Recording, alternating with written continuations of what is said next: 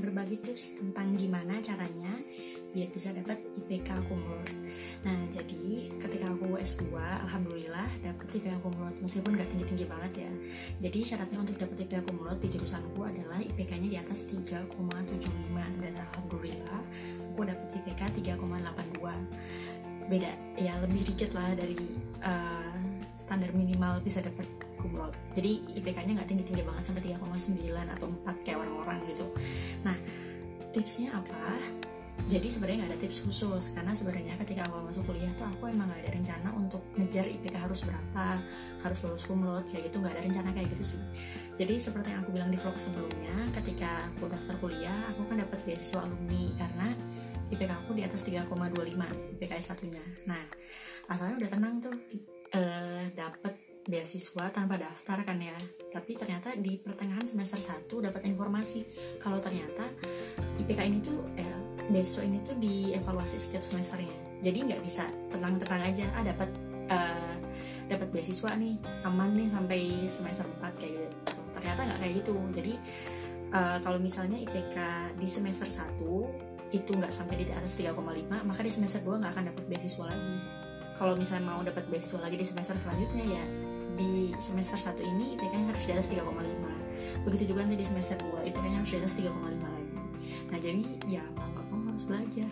Karena kenapa di S2 ini nggak sesantai S1 sih?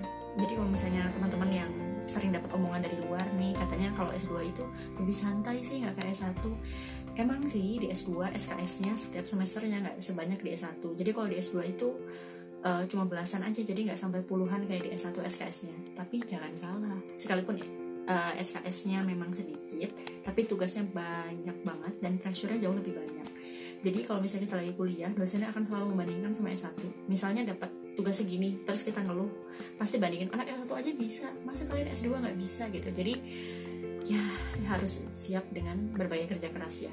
Jadi akhirnya mau nggak mau karena parameternya cuma satu yaitu IPK jadi gimana caranya harus bisa mempertahankan IPK di atas 3,5 nah di semester 1 aku dapat IPK 3,6 kemudian di semester 2 dapat IPK 3,9 nah udah aman tuh ya sebenarnya terus udah itu dan sebenarnya paling membantu adalah tesis Kenapa? Karena di S2 ini tesis SKS-nya 12 SKS.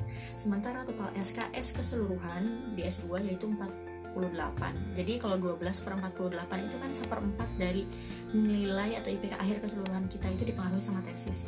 Jadi kalau misalnya tesis nilainya bagus ya sangat membantu banget kalau misalnya IPK kita di semester-semester sebelumnya nggak terlalu bagus gitu ya.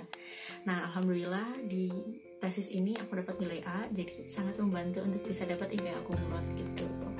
Nah beda ya sama S1 jadi kalau misalnya di S1 itu uh, total SKS-nya ada ratusan sementara skripsi itu SKS-nya cuma 6 jadi eh, nggak uh, terlalu ngaruh misalnya nilainya nilai skripsinya A atau B plus itu nggak terlalu ngaruh ke nilai akhirnya gitu nah itu pengalaman aku aku sharing pengalaman aja ya dariku gimana caranya biar bisa dapat IPK kumulot. Nah, kalau teman-teman yang punya motivasi atau semangat atau ada pengalaman lain, gimana tipsnya biar bisa dapat IPK kumulot?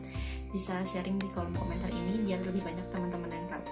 Terima kasih.